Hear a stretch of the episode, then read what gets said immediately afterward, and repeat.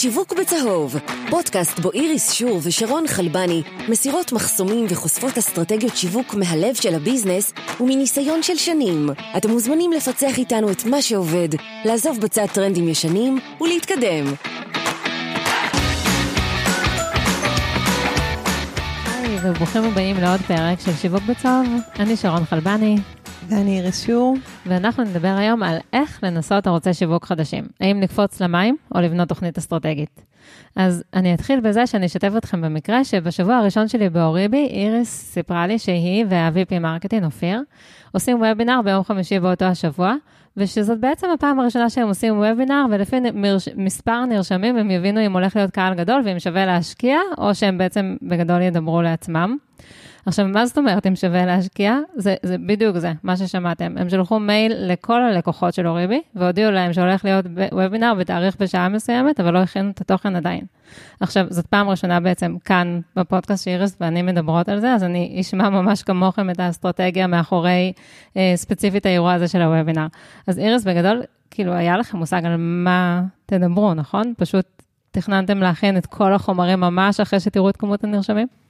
אמ, מושג אה, כללי, אני כן אוסיף קצת על כל הנושא הזה, שאני חושבת שיש אמ, מבחינתי בעצם שתי מדידות עיקריות בדברים שעושים בשיווק, אמ, שאחד זה בעצם בכלל אה, כמה אנשים יגיעו, או כמה אנשים יקראו משהו. אה, והרבה פעמים זה בכלל לא קשור לתוכן. כלומר, בוא נגיד שעכשיו אני בונה איזשהו בלוג חדש. עכשיו, יש פה שאלה מאוד גדולה, אם אני אשים תוכן לא איכותי, אז אנשים לא יגיעו, אז איך אפשר למדוד את זה? אם אני אשים תוכן איכותי, אני צריך לעבוד על זה הרבה זמן, ויכול להיות שהתוכן האיכותי הזה יגרום לאנשים לקרוא, אבל אנשים לא ימירו בסוף. כן. אמ, אני חושבת שתמיד אנחנו, כאנשי שיווק, מחפשים ככה את הנקודה הנכונה, שזה לא המון המון השקעה כדי שנדע בכלל אם משהו כיוון נכון או לא, ומצד שני, שזה כן תהיה מדידה הגיונית. אמ, עכשיו, המדידה באמת של כמה אנשים בסוף התקנברטו ממשהו היא הרבה יותר קשה, כי באמת צריך משהו שהוא איכותי. אבל הדברים הבסיסיים, ובואו ניתן דוגמה אפילו, למשל, אמ, התלבטתי לפני כמה חודשים אם ללכת על אסטרטגיית אה, של אם אנחנו צריכים PR או לא, אם צריך קצת יותר לפרסם עלינו במקומות אה, אחרים. אמ, זהו, והתחלתי לעבוד עם איזושהי סוכנות קטנה שהכניסה אותנו לאיזשהו, לכתבה אחת בהתחלה. לפני שאמרנו בואו עכשיו נשים על זה, לא יודעת, איזה חמישה חודשים אינטנסיביים. אה, זהו, וראיתי שהיה ממש כמעט אפס traffic. שאמרתי, גם אם היינו עושים עבודה יותר טובה, גם אם היינו נכנסים למקום קצת יותר גדול, זה עדיין היה מקום בסדר. אז אם ככה נכנסו לנו, לא יודעת, 20 איש, בוא נגיד שהיינו עושים עבודה הרבה יותר טובה ב content, היו נכנסים 200 איש, זה עדיין לא מספיק. כן, אבל למשל שה... בוובינר, אם מארגנים ממש את כל הפרטים הכי קטנים, אוקיי? אז uh, יודעים שמי שנרשם לוובינר, שולחים לו תזכורת לפני האירוע, ומוסיפים לו אירוע לקלנדר שלו, ומקפיצים לו את זה. ואז יודעים, ואז יש סיכוי פשוט יותר גדול שיותר אנשים יגיעו בכלל לוובינר. נכון, אבל אז יגיעו עוד 10 אחוז, 20 אחוז. אני חושבת שנגיד שהתחלנו את הוובינר, אני אמרתי לאופיר, אין לי מושג אם ירשמו אה, חמישה אנשים או 500 איש. אה, וזה מבחינתי הדברים שנורא חשוב לבדוק. כי אני אומרת, לעשות אופטימיזציה, בוא נגיד שבסוף הגענו ל-400 נרשמים. אני יודעת איך לקחת את זה עכשיו ל-600. אבל אם היינו מגיעים לארבעה נרשמים, לא הייתי יודעת איך לוקחים את זה ל-600. כלומר, הייתי אומרת מראש שהקהל שלנו כנראה לא מתעניין בוובינארים, ואין מה לעשות, וגם אם אני אצליח להגדיל את זה מ-4 ל-30, זה עדיין לא שווה לי. אוקיי, okay, ומתוך ה-400, כמה הגיעו בפועל? הגיעו משהו כמו 140, משהו כזה. Mm-hmm. נראה לי זה המספרים ככה הרגילים של וובינר. Mm-hmm. 140 הגיעו, וכמה נשארו עד הסוף? כמה זמן היה הוובינר?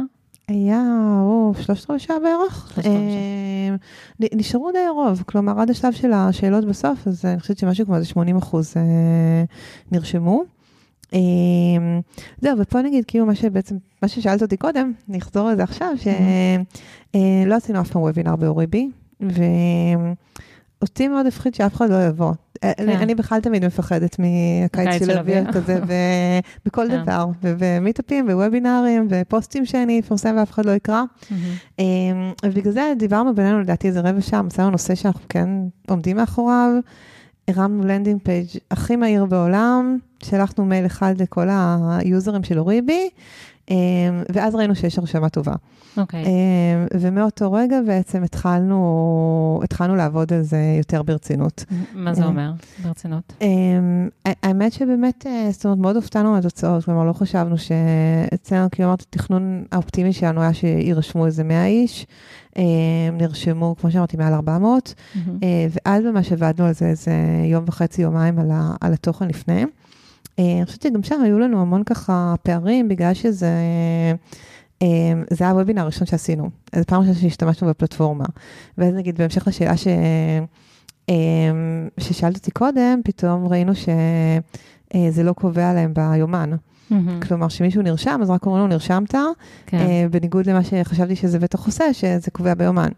ואז התלבטנו בזה, אמרנו, טוב, לא משנים עכשיו פלטפורמה, זה כאילו בדיוק המקומות, שמה שאמרתי, בטוח היינו יכולים להגיע לעוד 20 אחוז שהיו מגיעים, עוד 30 אחוז, אבל מבחינתי כן. השאלה בכלל הייתה אם וובינארים עובדים או לא.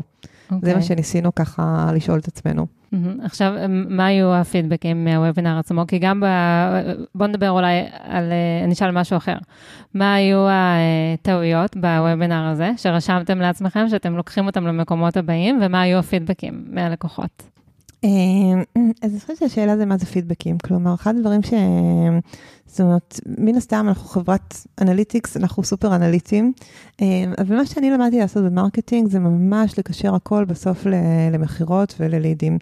אמ, כלומר, יש משהו נורא מטעה ב marketing, שהרבה פעמים אפשר להגיד, וואו, היה וובינר מדהים, הגיעו מאות אנשים, שאלו מלא שאלות, אה, אבל מה זה אומר? זאת אומרת, יכול להיות שהיו מגיעים עשרה אנשים, כולם היו קונים. אמ, אז אני יכולה להגיד, זאת אומרת, היה פידבק טובים בזה שהיה המון המון שאלות, אז זוכרת שאני ואופיר סיימנו את הוובינר ושאלנו את, אה, את שרה אצלנו, שהיא בעצם הייתה אחראית על כל התפעול של הפרויקט הזה. איך היה? אז היא אמרה, אין לי מושג, לא הקשבתי למילה, רק עניתי לשאלות. אה, שזה בעצם אינדיקטור מאוד, אה, מאוד חיובי, אבל לא מדדנו את זה ככה, פשוט מדדנו כמה דמוים נקבעו מזה וכמה לקוחות משלמים הגיעו. הגיעו מזה. אז זה עמד. 400 אה, נרשמו, 140 הגיעו לוובינר עצמו. כמה כמה דמוים? הגיעו לדעתי משהו כמו איזה 15-20 דמואים, שאצלנו זה, זה, זה משמעותי, ומתוך זה כמה לקוחות משלמים חדשים. אמ, וזהו, אז, אז מבחינתנו זה היה ניסוי שהצליח, ו- ועשינו אותו מאוד, אה, אני חושבת שעשינו אותו מאוד light במובן של כאילו בכלל המי נגד מי, זאת אומרת, רק להעלות את, הדף, את המייל, את הדף, לחשוב על רעיון ככה מהר, אבל בוובינר עצמו כן מאוד אה, השקענו, זה נגיד גם היה אחד הלקחים הפחות חיוביים, כי אבל בסוף זה היה הרבה השקעה, זאת אומרת, עבדנו על זה איזה, איזה יומיים, נכון שזו פעם ראשונה, זה נושא שאף פעם לא דיברנו עליו, אה, אבל כן לקחנו לעצמנו לחשוב או איך אה, ממחזרים יותר נושאים שכבר במילא יש לנו חומרים אליהם, או נגיד ברגע שעשינו את הוובינר הזה והיה לו תוכן טוב, אם עכשיו אנחנו עושים אותו כגסט וובינר במקומות אחרים, כלומר אנחנו לא יכולים להעלות עכשיו כל איזה שבוע, שבועיים וובינר שאנחנו עובדים עליו יומיים. כן, אז, אז גם דאגתם לזה שאתם לא תתפסו כלא מקצועיים. זאת אומרת, ברגע שהבנתם שיש כמות אה, לקוחות נרש... אה, אה, כמות נרשמים גבוהה, עשיתם כל מה שצריך בשביל שבסופו של דבר התוכן יעבור כמו שהוא. אמ, חד משמעית, אני כן אגיד שאם זה היה משהו, נגיד, לא באתר של אוריבי, נגיד סתם היינו עושים איזשהו גסט וובינר, משהו כזה, אני לא אומרת שהיינו באים עם תוכן פחות, עם תוכן לא איכותי, אבל יכול להיות שהייתי מרשה לעצמי קצת יותר מרווח, כי באמת, כמו שאמרתי, יש שאלות נורא גדולות של... אה, זאת אומרת, כמו הדוגמה שנתתי בהתחלה, אפילו לא לפני כמה זמן הופענו בטק ראנץ'.